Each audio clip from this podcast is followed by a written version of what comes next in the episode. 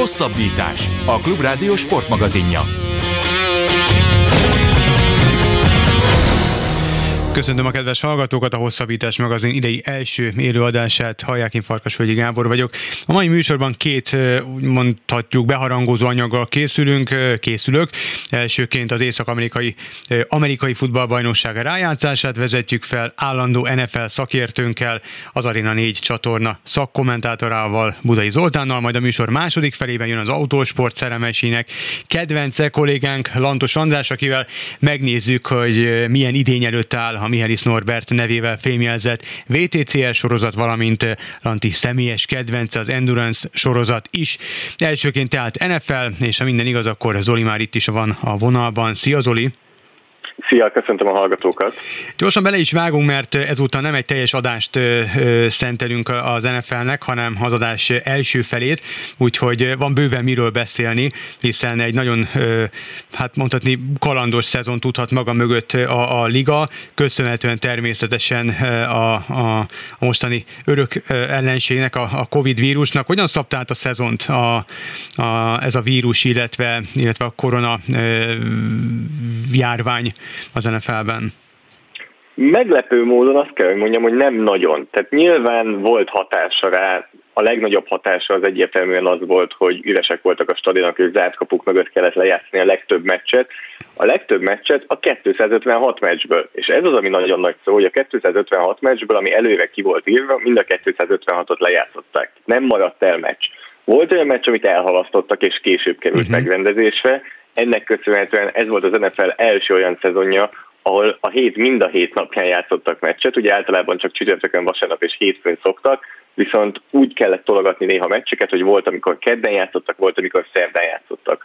Voltak csapatok, akiket volt, hogy hátrányosan érintett a járvány, hiszen volt olyan, amikor egy egész pozíciós csoport tulajdonképpen elkapta a járványt egy-egy csapatnál, és emiatt például volt olyan találkozó, ahol a Denver Broncos irányító nélkül kellett, hogy kiálljon, ami a legfontosabb poszt az amerikai futballban. Volt olyan mérkőzés, ahol a New Orleans Saints futójátékosok nélkül állt ki pont az utolsó héten, vagy hát a csevék csevéi játszottak tulajdonképpen. Tehát ilyen szempontból érintette, a lelátón a hangulat az nyilván teljesen elveszett, és nem volt ugyanaz, de összességében szerintem mondhatjuk, hogy relatíve pozitívan vészelte túl ezt az időszakot az NFL, az elmúlt négy hónapot, mert meccs nem maradt el, és ez a legfontosabb. Arról nyilván, amit most az előbb említettem, lehet beszélni, hogy ez mennyire jó vagy rossz, hogy az NFL volt, hogy úgy kiküldött csapatokat a pályára, hogy 20 perccel a mérkőzés előtt pozitív tesztet adott az egyik játékos, és úgy oldották meg, hogy jó, akkor ő nem játszik, de a csapat attól még játszom meccset. Erről óra hosszat tudnánk beszélni, persze, hogy ez most persze. erkölcsileg mennyire volt okés, de a vége az az volt, hogy mind az összes meccset lejátszották. A Covid mellett ott van még a Black Lives Matter uh, mozgalom is, uh, ami szintén uh, nem könnyítette meg hát Amerika, az egész világ, és természetesen az NFL dolgát sem. Én mondom őszintén, ahhoz képest, hogy mennyit bíráltuk a, a, az NFL döntéshozóit, vezetőit, a, a társadalmi a társadalmat komolyan érintő problémák melletti kiállás hiányosságával ezúttal talán, hát ha nem is teljes dicséretet, de azért dicséretet érdemelnek, nem gondolod? Igen, Roger Goodell, aki a, tulajdonképpen mondhatjuk, hogy a főigazgatója az NFL-nek, a 2020, 2020-as holt szezonban, tehát ami mondjuk február és augusztus között volt, ott azt gondolom, hogy sok ember szemében nagyot nőhetett, több szempontból, félig amiatt is, ahogy ezt a, a járványt kezelt, amiről már előbb beszéltünk, a másik pedig a társadalmi felelősségvállalás és a különböző szociális mozgalmak melletti kiállás miatt, mert tényleg szinte 180 fokos fordulatot vett az, ahogy az NFL kezelte ezeket, hiszen emlékezhetünk, sokat beszéltünk meg ebben az adásban is Colin Kaepernickről, aki a San Francisco 49ers irányítója volt, aki térdelt a himnusz alatt, és azóta nem került csapathoz, és nem igazolták le. Nem mondom, hogy ő volt a legnagyobb sztár, de azért egyértelmű, hogy, hogy kicsit óckodtak tőle ez a felelősségvállalás miatt. Ehhez képest 2020-ban az NFL, az NFL maga, tehát a, a, az iroda, akik kezelik a csapatokat, a csapatok, a játékosok, az edzők, tehát mindenki tette egy lépést afelé, hogy, hogy odafigyeljen arra, hogy mi zajlik körülöttük a világban, ez egyértelműen pozitívum. Ugyanakkor a szezon közben túl nagy hatással azért nem volt, mert olyanra emlékezhetünk, hogy az NBA-ben volt, hogy meccset halasztottak el emiatt, NFL-ben volt, hogy edzés elmaradt az edzőtábor idején, de a meccseket ez sem befolyásolta, ami, amint nem tudom, hogy ezt csak inkább megjegyzem, nem tudom, hogy ezt hova kell sorolni, de, de például vannak csapatok, akik most, akiknek véget ért a szezon, például a New England Patriots, és kiadtak még egy utolsó közleményt csak arról, hogy a csatát folytatják, és folytatják a küzdelmet az ellen, hogy mindenkit egyelő bánásmódon részesítsenek. Igen. Vissza a rájátszás és a, és a csapatokra, azt átbeszéltük, hogy, hogy az alapszakaszt hogy érintette a Covid, a, a rájátszást azt, azt mennyire fogja, és miben fogja, ha egyáltalán érinti? Hát reméljük, hogy nem. Tehát ez az, ez az amit remélünk, remélünk, hogy nem, mert összességben az alapszakasz lement rendben, de most, hogyha a rájátszásban lesz olyan meccs, ahol mondjuk egy irányító nem játszhat fertőzés miatt, az egyértelmű, hogy, hogy ezt mindenki sajnálni fogja, és ezt próbálják elkerülni a csapatok. Viszont mm. összességben nem fogja nagyon befolyásolni, tehát emlékezhetünk ugye más észak-amerikai ligáknál, például az NBA-nél és az NHL-nél volt ez a buborékrendszer, ahol mindenkit bevittek egy helyre, és akkor be, be voltak zárva itt semmilyen szinten nem fogják ezt alkalmazni. Uh-huh. Tehát még a csapatok sem fognak saját maguk hotelbe vonulni, ugyanúgy élik tovább az életüket, mint hogy eddig tették. Nyilván odafigyelnek arra, hogy a lehető legke- legkevesebb szer kerüljenek veszélyeztetett helyzetbe, de ilyen szempontból nem fogja érinteni. Megint arra kell egy kicsit visszautaljak, hogy a hangulat egyértelműen de nem lesz ott. Mert rájátszásnak tényleg még az alapszakaszán is sokkal jobb hangulata van, rengeteg néző, hihetetlen hangulat a stadionokban, ez nem lesz meg, és ez, ez az, amit szerintem egyértelműen lehet egy kicsit sajnálni. Például a Buffalo Bills 1996 után először játszik hazai pályán rájátszás meccset, az egyik legnagyobb, legjobb szurkolótábor van az egész NFL-ben, és végül összesen 6700 szurkoló lehet majd bent a stadionban, amit teszem hozzá egy előrelépés ahhoz képest, hogy az alapszakasz meccséken teljes zártkapus meccsek voltak, tehát egy szurkoló sem mhm. lehetett bent. Ehhez képest előrelépés, tehát mondani se kell, hogy mennyire máshogy néz neki Buffalo-ban, hogyha 25 év után végre egy teltházas rájátszás meccset játszhatnának. Reméljük, hogy ez jövőre bekövetkezhet. Ha a csapatokat veszük gorcsó alá, akkor hát végre, végre nem lehet rám sütni, hogy csak azért hozakodok vele elő, mert hogy kicsit hazabeszélek, és mert hogy a, a kedvenc csapatról van szó. Tehát a Cleveland Browns 2000 kettő óta bejut, először jut be a rájátszásba, és utána néztem, 94-ben nyert utoljára playoff meccset, akkor még Bill Belichick vezetőedző volt a gárda élén, és pont a New Englandet verték, tehát ami elképesztő, hogy, hogy mi van most Clevelandben, és hogy, hogy mekkora az örömünnep.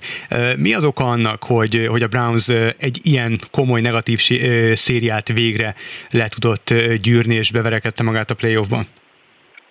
Nagyon jó egyébként, hogy ma beszélgetünk, mert pont 2003. január 5-én, tehát pontosan 18 éve játszotta az utolsó rájátszás meccsét a Cleveland Browns, és most vasárnap fog jönni akkor a következő, ugye a Pittsburgh Steelers ellen, nem is hazai pályán, de rájátszás meccset játszik végre a Cleveland.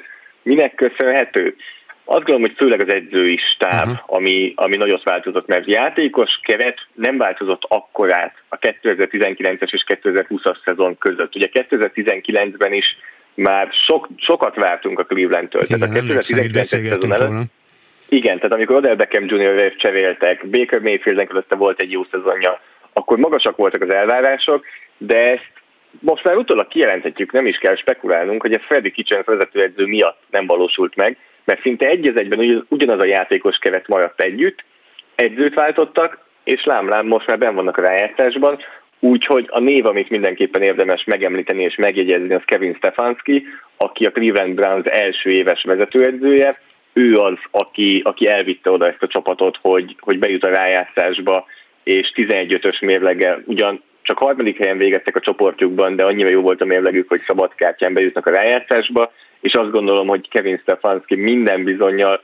meg fogja kapni az év edzője díjat is, de az biztos, hogy az egyik, egyik legfőbb jelölt és legfőbb várományos ennek a díjnak. Kell ebbe a csapatba? Aztán tovább megyünk és hagyjuk a Browns. Kell ebbe a csapatba, Oda Beckham Junior?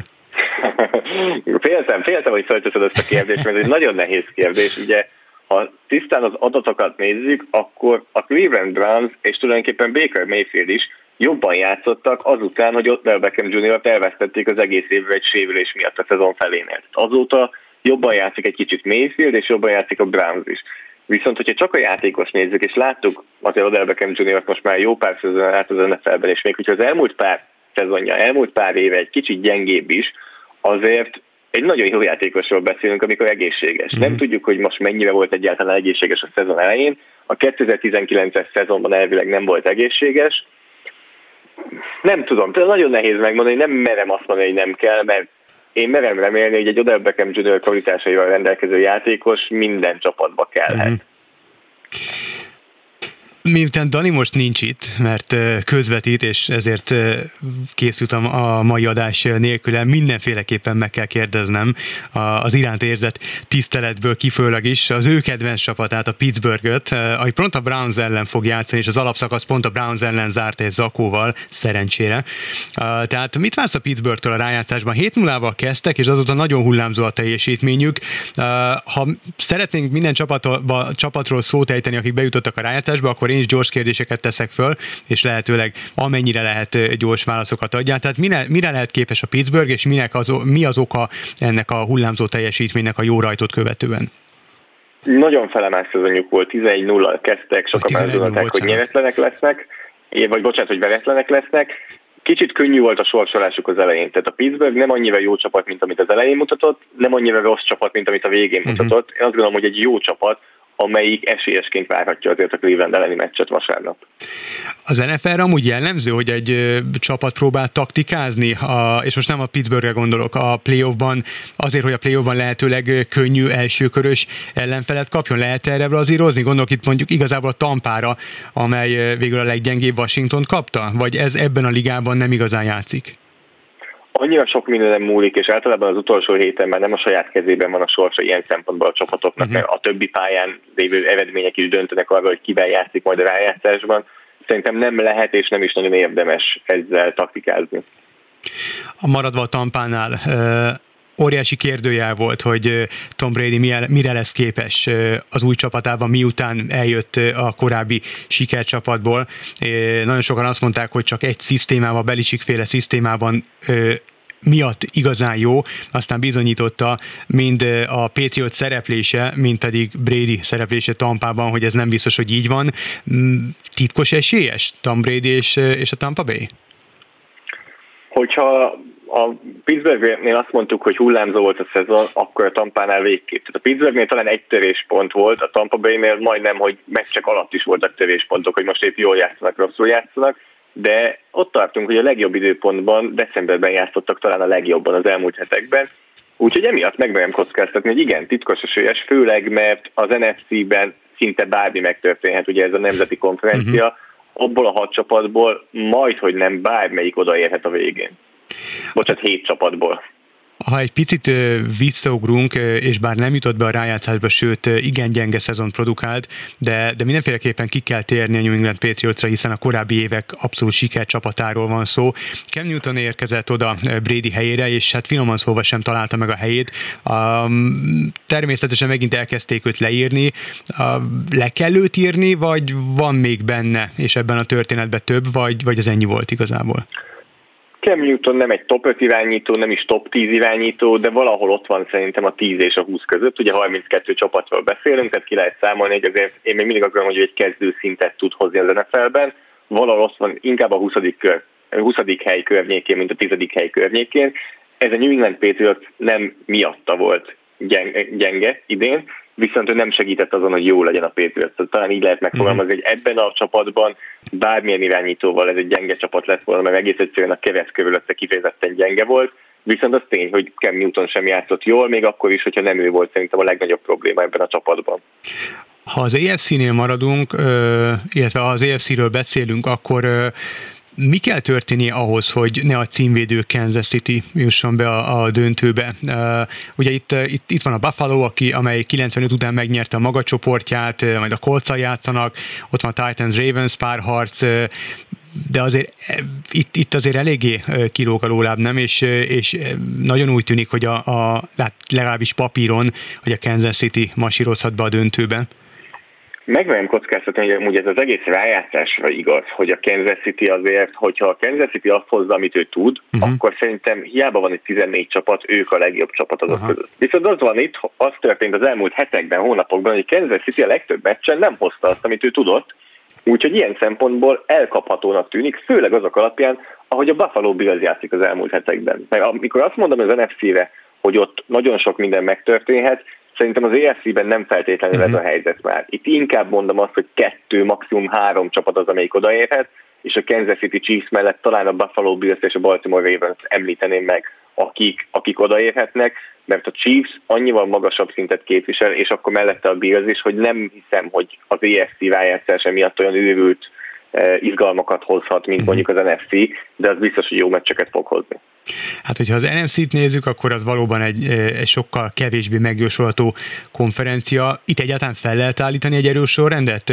Itt van a Green Bay, a Seattle, a Tampa, tehát három olyan csapat, ahol nem elesek három legendás irányító játszik, és, és gondolom nem lenne meglepetés egyiknek sem a Super Bowl való jutása.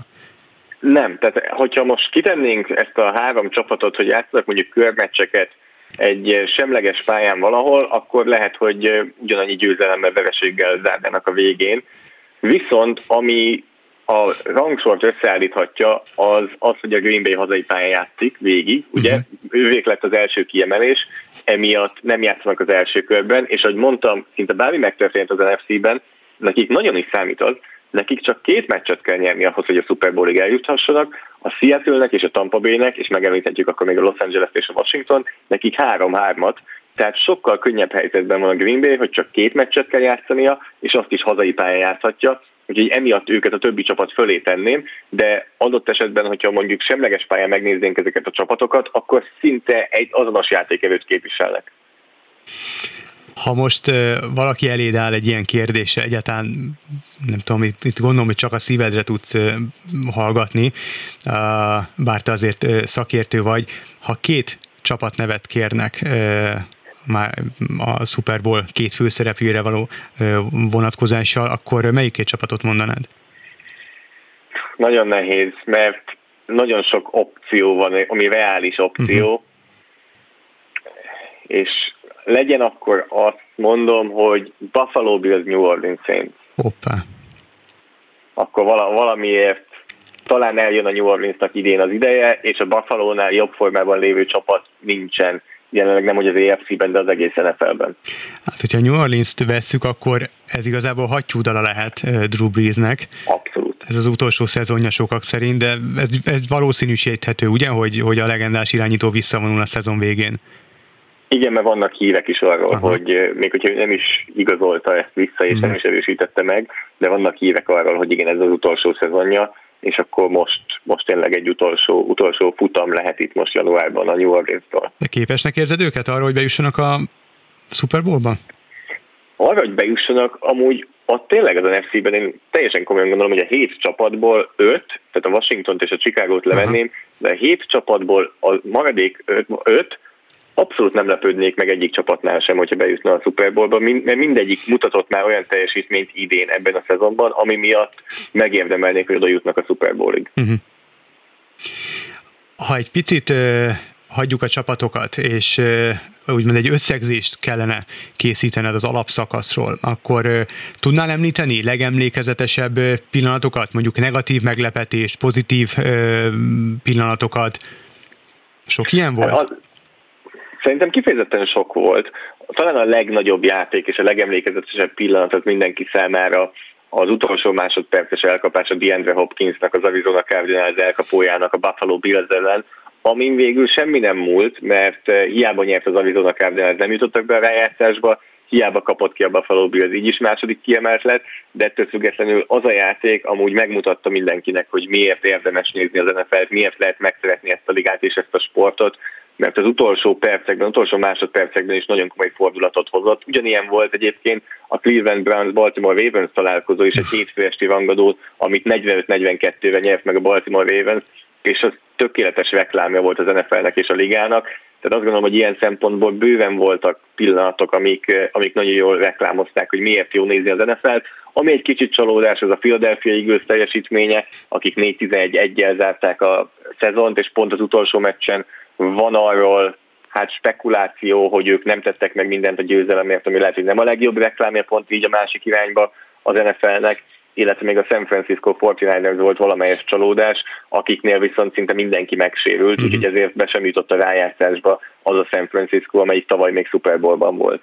Ha ugyanezt játékosokkal kapcsolatban kérdezem, pozitív, illetve negatív meglepetés, Pozitív egyértelműen szerintem, aki meglepetés, az Josh ellen a Buffalo Bills irányítója, ugye vele indul majd a rájátszás szombat este héttől, azt mindenképpen érdemes nézni, hogy mire lesz majd képes a Buffalo Bills Josh ellennel.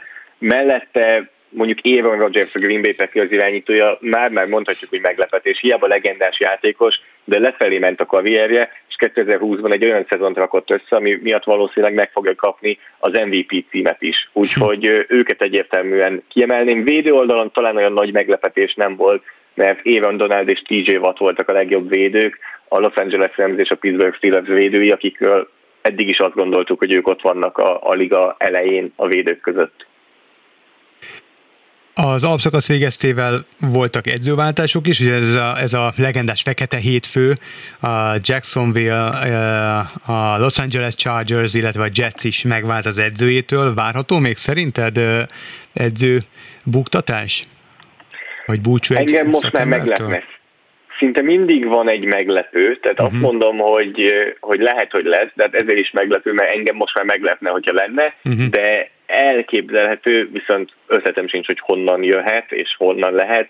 Én azt mondom, hogy szerintem nem lesz, és meglepetés, hogyha lesz, de lepjenek meg minket a csapatok. Uh, igazából a vége fele jár már itt az első blokknak a, a műsor ideje, de mindenképpen szerettem volna megkérdezni, hogy eddig azért az bevett szokás volt, hogy élőben közvetíted, a, vagy te, vagy valamelyik szakértő kollégád a, a műsorvezetővel a Super Bowl-t. Idén hogy néz ki a, a, a rájátszásnak, illetve a Super Bowl-nak a közvetítési rendje? Bár új otthon találta, a, otthonra talált az, az amerikai foci Magyarországon. Hogy néz ki ez most az idei rájátszásban?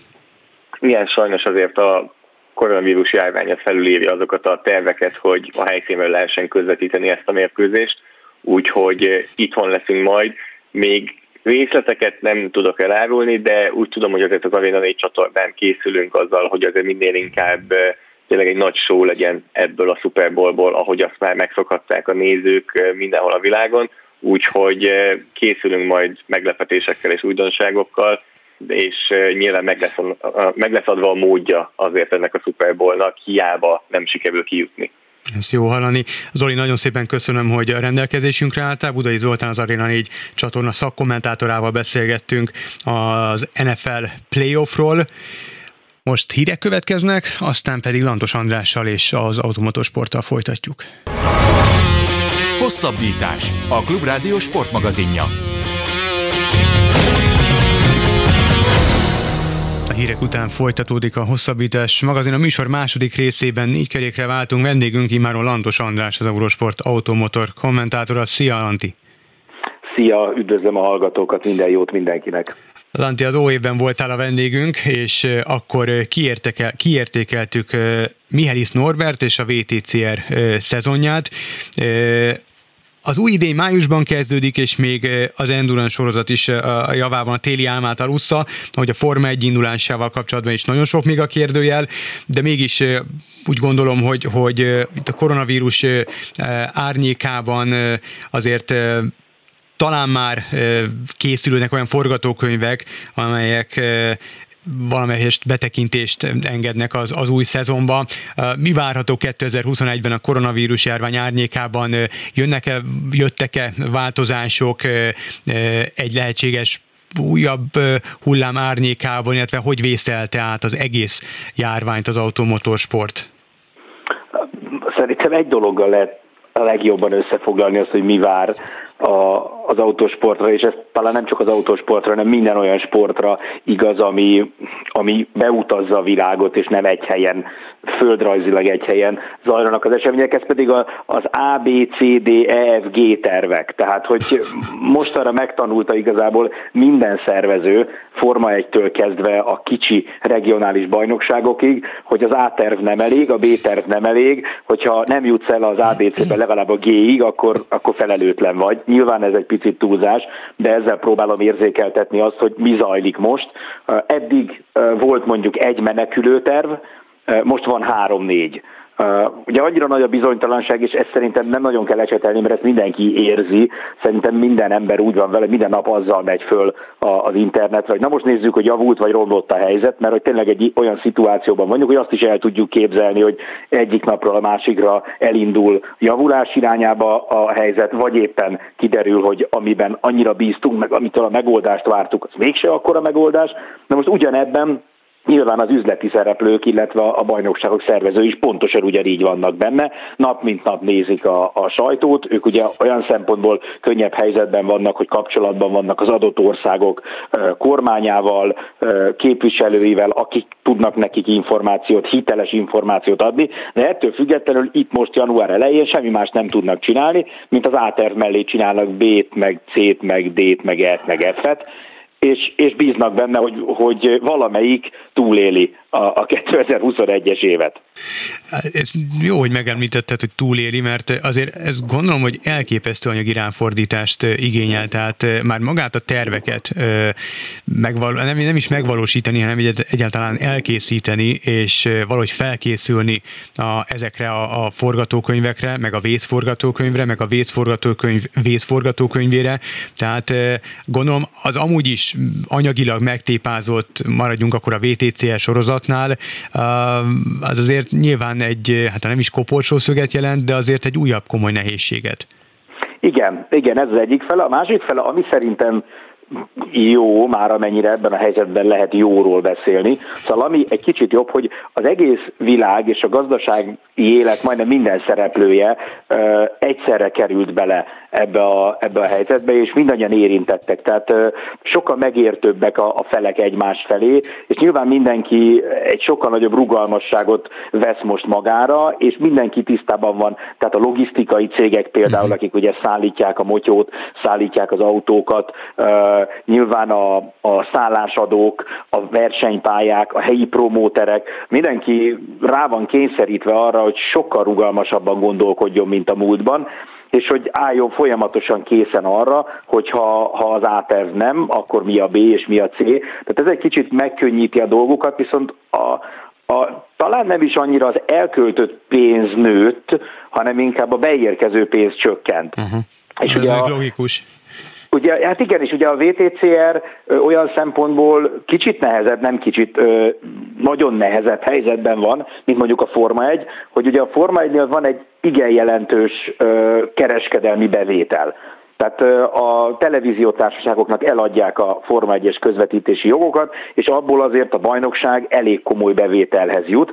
Tehát náluk nagyon nagy bukta nyilván a, a helyszíni nézők elvesztése, és ezért azt ne felejtsd el, hogy a helyszíni néző nem csak jegyet vesz, hanem teletömi az arcát körülbelül persze. háromszor egy hétvégén, meg megveszi a, a zászlót, a sapkát, a pólót, a kulcstartót, meg a hűtőmágnest a gyerekének. Tehát, hogy ez egy olyan fontos bevételi forrás, amitől most minden bajnokság elesik, viszont vannak azok a bajnokságok, mint például a Forma 1, ahol ez valamennyire ellensúlyozza a, a kereskedelmi bevétel. Na a VTCR-ben ilyen kevés van. Nem mondom, hogy nincs, de kevés van.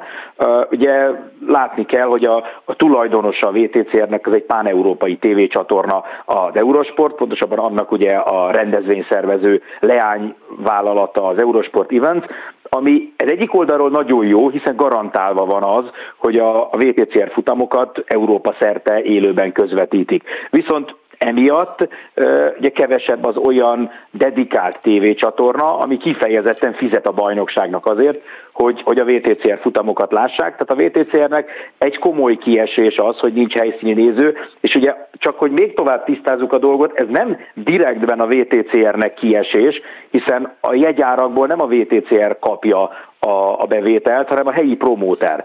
És a, tehát ez úgy néz ki, hogy a helyi promóter ugye jogdíjat fizet a VTCR-nek azért, hogy a bajnokság eljön az adott országba, az adott pályára, Magyarország esetén ugye ez a helyi promóter, ez a Hungaroring, és aztán a Hungaroring a saját kiadásait fedezi abból, hogy jegyet ad el, hogy hotdogot ad el, hogy hamburgert, gumicukrot, nem tudom én, szárított narancséjat, hogy, hogy még ki tudja mennyi minden lehetőséget biztosít a nézőnek, szórakozási lehetőséget, amiért a néző fizet. És a végén, hogyha ez egész jól működik, akkor mindenki örül, mert a VTCR megkapta a jogdíjat, a promóter meg remélhetőleg több pénzt szedett be, mint amennyit kiadott. Vagy legalább annyit, és akkor azt mondja, hogy hozzájárult az ország kulturális meg sportéletéhez.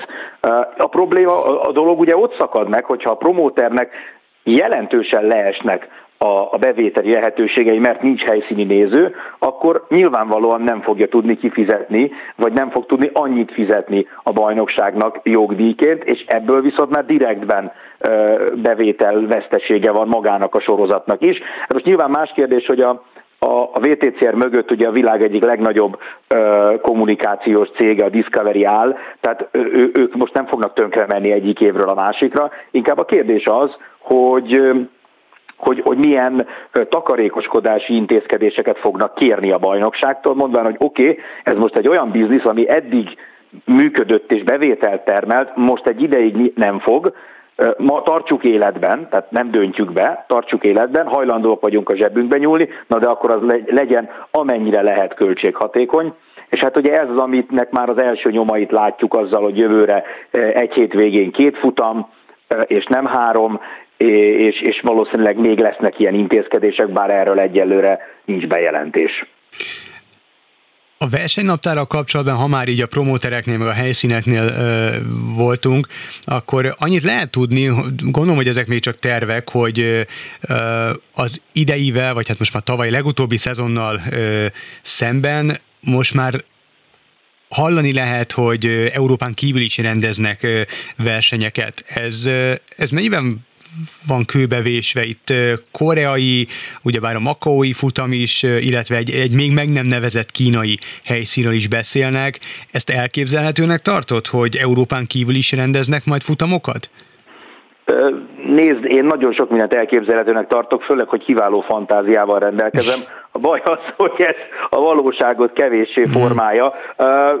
Ugyanúgy, ahogy szerintem tavaly januárban el se tudtuk képzelni azt, hogy mi lesz idén szeptemberben. Uh-huh. Én nagyon bízom benne, hogy talán egyszerűsödik a világ, és ennyire kiszámíthatatlan nem lesz, de ha most azt kérnéd, hogy a bal fülemet ajánljam föl cserébe azért, hogy garantálom, hogy elmennek a... Azt nem a... mernéd, gondolom. nem, nem szeretném, tehát, hogy, pedig a jobb fülemre jobban hallok, de akkor is azt mondom, hogy azért még a bal se áldoznám föl szívesen. Tehát, hogy uh, nyilván azért merték bevállalni ezeket a futamokat, mert bíznak benne, hogy a, a világ meg a, a nemzetközi közlekedés, meg a logisztika helyzete lesz már olyan állapotban az ősszel, ősz közepe vége fele, hogy ezeket a versenyeket valahogy megrendezzék.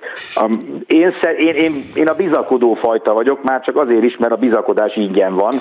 És Ugyanannyiba jobb... kerül, mint a pessimizmus, nem? Így van, és akkor már érted, ha már, ha már, a, jobban magunkat. Ha már katasztrófa előtti hónapokban még az ember jól tudja magát érezni, akkor inkább. inkább. De én azt gondolom, hogy a bajnokságnak a jelenlegi struktúrájában szüksége van a, a távol-keleti futamokra, mert van még azért egy-két olyan autógyár, aki költ el pénzeket a VTCR-ben, mint például a Hyundai, és ugye ő nekik a, a koreai verseny nagyon fontos lenne. A másik ugye a Lincoln Co, nekik a, a kínai verseny lenne fontos. Ugye Macau az egy óriási e, motorsportos esemény, ott gyakorlatilag a VTCR-nek megtiszteltetés, hogy a, a, az esemény része lehet. Azért az is beszédes, hogy most már csak hármat próbálnak betenni a naptárba, korábban ugye négy meg öt ázsiai, sőt volt emlékeim szerint, amikor hat mm. tengeren túli versenyt rendeztek. Itt most azért óvatosabbak a szervezők, de, de muszáj, tehát meg kell próbálni, mert, mert kereskedelmi meg gazdasági oldalról ez, ez fontos a bajnokságnak. A csapatokkal mi a helyzet? És én most leginkább uh, Mihály Norvékról, illetve Zengőékről beszélnék. Őket az egész vírus, illetve az annak, illetve a vírus következményéből kifolyólag az anyagi oldala hogyan érintette? Most ez legut- talán nyilván az Engő motorsport csapatot jobban, de először akkor kezdjük Norbiékkal, és aztán pedig a, a magyar csapattal. Ugye a, a Norbi féle csapat az hivatalosan ugye BRC Racingnek hívják, mögöttük egy BRC Gas Equipment névre hallgató cég áll, amely viszonylag nagy tételben alakít át autókat gázüzeműre, olyan eszközöket gyártanak, amivel az autókat gázüzeműre tudják átalakítani. Tehát tulajdonképpen egy olyan cégről van szó, amelynek saját bevételei is vannak.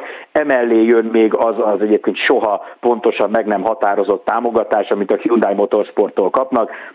Ha jól tudom, akkor ennek az egyik része az, hogy vagy nem, vagy nagyon keveset kell fizetni magáért az autóért, illetve hát megkapják a gyári pilótákat, a Hyundai gyári pilótákat, jelen esetben ugye Tarquinit, Norbit, illetve Niki Katzburgot. De a, a csapat, tehát ugye a csapat önmagában nem a Hyundai Motorsport, ezt nagyon fontos tisztázni, hanem egy, egy olasz csapat, ami nagyon szoros kapcsolatban áll a Hyundai Motorsporttal. Most úgy állnak a hírek, hogy ez a csapat ugyanúgy készül 2021-re, a tavalyi év végén voltak tesztelni, Norbi is ott volt, ment az új autóval, és, és alapvetően az látszott, hogy egy nagyon motivált csapatról van szó, ugye az idei év, illetve a tavalyi év nekik nagyon rosszul sikerült, ebben szerepet játszottak részben a csapaton kívülálló dolgok, mint például a kedvezőtlen BOP, balszerencsés esetek, ugye azért Norbit a Szlovákia ringen az élről lökték ki például, és szerepet játszottak, és ezt Norbiék is elismerik, mármint az egész csapat, szerepet játszottak olyanok is, olyan tényezők, amikkel ők nem tudtak olyan gyorsan, olyan hatékonyan megbirkózni, mint mondjuk a riválisok. Gondolok itt az új gumi, az új elektronika, ami, ami nagyobb kihívást jelentett, de azt mondta Norbi, és, és ez a lényeg szerintem, hogy, hogy érzi a motivációt az egész csapaton, érzi mindenkiben azt, hogy javítani akarnak. Jövőre, illetve idén minden emberi számítás szerint már egy új autóval mennek, a Hyundai Elantra NTCR névre hallgató autóval, és Norbert vezette, azt mondta, hogy jó, szimpatikus, barátságos autó, úgyhogy most, most január elején minden arra felé mutat, hogy Norbi a BRC Hyundai-jal ott lesz, és, és megpróbálnak megint a bajnoki címért menni. Hát az jó lenne, mert eléggé csalódáskeltő volt finoman szólva is az előző szezon, és Magyarország egyik legnépszerűbb, nem, autó, nem, nem csak autóversenyzőjére, de sportolójáról van szó, és hát tudjuk, hogy mennyire kiemelt helyen kezelik a VTCR-t a szurkolók, a sportszerető szurkolók idehaza. És mi újság zengőjéknél? Ők hogyha azt mondjuk, hogy csalódáskeltő volt Miheliszék szezonja, akkor ők igazából egy eléggé szép szezon produkáltak. Igen, igen, igen. Ugye a Zoliéknak Zoliékra azóta várták ezt a nagy ugrást, amióta Mihelis Norbi elköszönt tőlük, és átment a, először ugye a gyári Honda, aztán pedig a Hyundai csapathoz. Uh, ők azóta küzdöttek ezzel a mumussal, hogy, hogy be kéne bizonyítani azt, hogy, hogy nekik is volt egy komoly szerepük Norbi sikereiben, és nem csak Norbi kétségtelen versenyzői képességeinek. Ez nagyon motiválta a, a, a srácokat is, Zengő Zolit is, és ugye az utóbbi években főleg tapasztalatlan vagy minimális tapasztalattal rendelkező fiatal magyar srácok ültek az autóba, akik egyébként ügyes versenyzők, tehát itthon a legjobbak közé tartozó versenyzők, csak hát azt a tapasztalat hiányt eltüntetni, azt nagyon-nagyon nehéz, meg hosszú idő. Ráadásul ugye sokszor tap, két tapaszt, sőt, hát nem sokszor, minden esetben két tapasztalatlan versenyző ment egymás mellett, tehát még egymástól sem nagyon tudtak tanulni, és ez, ez rányomta a bélyegét azért a, a, az elmúlt évekre. Idén, illetve tavaly, ez még meg kell szokni még ezt a évfordulót, szóval, hogy tavaly viszont volt egy tapasztalt versenyzőjük, fiatal, de tapasztalt versenyzőjük, és, és Zoli úgy látszik, hogy vérszemet kapott. Tehát az, hogy jól emlékszem, négyszer voltak negyedikek, egyszer harmadikak, és ugye nyertek egy futamot. Zoli most valami őrülten nagyot akar dobni, sztárpilótákat nemzetközi szinten komolyan jegyzett sztárpilótákat akar szerzőtetni, sőt, legutóbbi beszélgetésünkor azt mondta, hogy már előzetes megállapodást kötött kettővel, a cél pedig az egyébként, hogy, hogy egy olyan projektet hozzon össze, amire a Kupra ami ugye a Seat sport, sportos irányvonala volt, mostanra pedig egy ilyen önálló márkává vált, Szóval, hogy amire a Kupra nem tud nemet mondani. Tehát ő olyan neveket akar letenni a Kupra asztalára, amire a Kupra Racing vezetője azt mondja, hogy uram, atyám, hol kell aláírni. Ez és, elég ambiciózusan hangzik. Igen, de Zoli egyébként, Zoli mindig is szeretett előre menekülni. Aha. És, és én azt gondolom, hogy Zoli azt, azt most azt látja, hogy, hogy a jelenlegi szituációban akkor tud eredményes lenni, ha erősen, erős kapcsolatban áll egy gyártóval. Uh-huh. És, és ő most ezt szeretné, tehát a kuprát szeretné úgymond kiugrasztani a bokorból, és azt mutatni, hogy gyerekek, én itt egy olyan projektbe fogok bele, ami, ami mögé, ha odaálltok, az nektek is nagyon jó lesz, mert az egy nagyon jó reklámot fog adni a, a, az, az új Leonnak. És ugye azt is látni kell, hogy azért a nagyon sok gazdasági szereplő szeret úgy gondolkodni, hogy egy meglévő és látványos dologba beszállni, sokkal inkább, mint amikor tőle várják, hogy csináljon valamit, és akkor majd mi abban segítünk. És Zoli ezt szerintem nagyon jól érzi, hogy ő, ő nem egy üres lappal megy oda a kuprához, és azt mondja, hogy na ötleteljünk, mihez lenne kedvetek, hanem előre megy, és azt mondja, hogy összerak egy olyan tervet, aminek egy részét meg is valósítja, például ilyenek ezek az előszerződések, amit aztán ha letesz a kupra asztalára, akkor a kupránál már nem az a kérdés, hogy na van valami jó ötletetek, hanem az, mhm. hogy figyeljetek, van egy jó ötletem, mennyivel tudtok beszállni, és itt most ne konkrét pénzre gondoljon az ember, hanem például arra, hogy esetleg tud, meg tudjátok azt csinálni, mint a Hyundai, hogy, hogy adtok nekünk négy autót úgy, hogy nem kell fizetni érte? Uh-huh. Vagy azt mondja, hogy meg ide, ide adjátok féláron az autót, vagy adtok ö, kedvezményt az alkatrészre, mekkora kedvezményt adtok. Ö, esetleg elkülditek a versenyzőtöket, mondjuk Aszkónát úgy, hogy ö, az ő versenyzői fizetését ti álljátok, és ugye itt ezek mind csak felvetések, egyelőre konkrétumot Zoli nem árult el, de meg szerintem még talán nincs is konkrétum, mert folynak ezek az egyeztetések, hogy nagyon sok olyan lehetőség van, ahogy egy gyártó tud támogatni egy csapatot, anélkül, hogy ténylegesen a bankszámlájába bejelentkezne és átutalna összegeket. Ez nagyon izgalmasan hangzik, és azért azt nagyon jól tudjuk, hogy ha valamibe az Engezoli belevágja a fejszét, akkor általában abból valami kisül, tehát ő nem szokott nagyon a levegőbe beszélni, és ezekből a tervekből általában meg is szokott valósulni a legtöbb. A, a műsor utolsó részében, illetve a blokk utolsó részében föltenék pár kérdést hát ha még beleférünk az időbe, ami ha már idény latolgatás, és, és próbáljuk egy kicsit felvezetni, a még azért relatíve távol, távoli idénykezdés, de mégis talán érdekes lehet. Mi lesz a szezon kiemelkedő autósportos eseménye, amit a leginkább vársz? Minden évben szerintem, amit, amit az a, az igazi uh, ilyen mélyre turkáló típusú autóversenyző vár az Le Mans. Uh-huh. És Le Mans idén szerintem még jobban várjuk, mert ott egy új, uh, új szabályrendszer érkezik.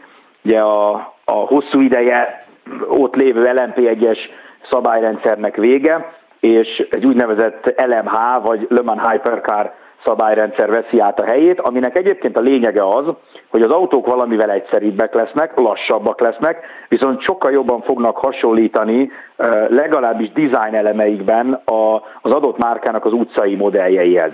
És ez azért jó, mert ma már azért látszik, hogy a Forma 1-en kívül uh, ilyen uh, kutatásfejlesztési céllal nagyon kevés gyártó szeret áldozni az autósportra.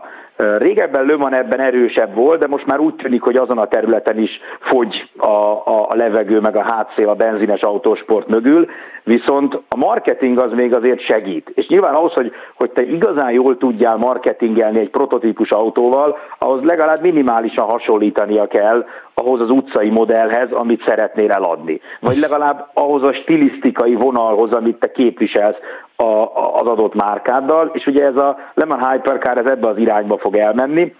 Uh, úgyhogy ennek az egész kategóriának a bemutatkozása illetve hogy milyen lesz a Lömani 24 órás, az szerintem egy tök nagy kérdés, én azt nagyon várom. Aki szereti a hosszú távú versenyzést, azt előre mondom mindenkinek, aki esetleg most hal először ilyen versenyek, hogy ez szokni kell. Tehát nagyon más a filozófiája, viszont ha egyszer valaki ráérez arra, hogy mit kell nézni és mi a szép ebben, akkor, akkor onnantól kezdve a detox se hozza ki belőle. Tehát az, a tényleg, tényleg ennek van egy olyan varázsa, Egyébként mindenkinek mondom, hogy most a hétvégén Dubai 24 órás Zengő Zoliékkal, hogyha valaki esetleg érdeklődik, nézzen utána, ott el lehet kezdeni megszeretni az endurance versenyzést.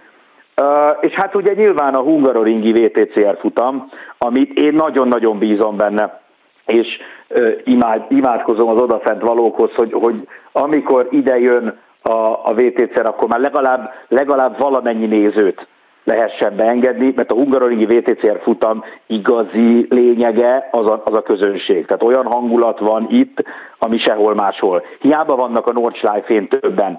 Uh, ők a, ők a 24 órás miatt mennek ki. Ők megnézik a VTCR-t, de a Hungaroringra azért mennek ki az emberek, hogy Mihály Norbit, Tasiatit meg a többieket lássák. Úgyhogy, úgyhogy szerintem motorsportban az a másik dolog, amit, amit nagyon-nagyon várok. Hát lesz majd valami Forma 1-es világbajnokság is, de az, az ebből a szempontból marginális. Landikám, nagyon szépen köszönjük, hogy ezúttal is elfogadtad a meghívásunkat. Lejárt a műsoridőnk, mondjuk órák hosszat lehetett volna beszélgetni az automotorsportról. A hallgatóknak is nagyon szépen köszönöm, hogy ezúttal is velünk tartottak, további kellemes rádiózást, hosszabbítást lesz a jövő héten is, tartsanak majd akkor is velünk. Köszönöm a figyelmet, Farkas vagy Gábor hallották. Önök a hosszabbítást, a Klubrádió sportmagazinját hallották. Az elhangzottakról bővebben is olvashatnak a hosszabbítás.hu weboldalon.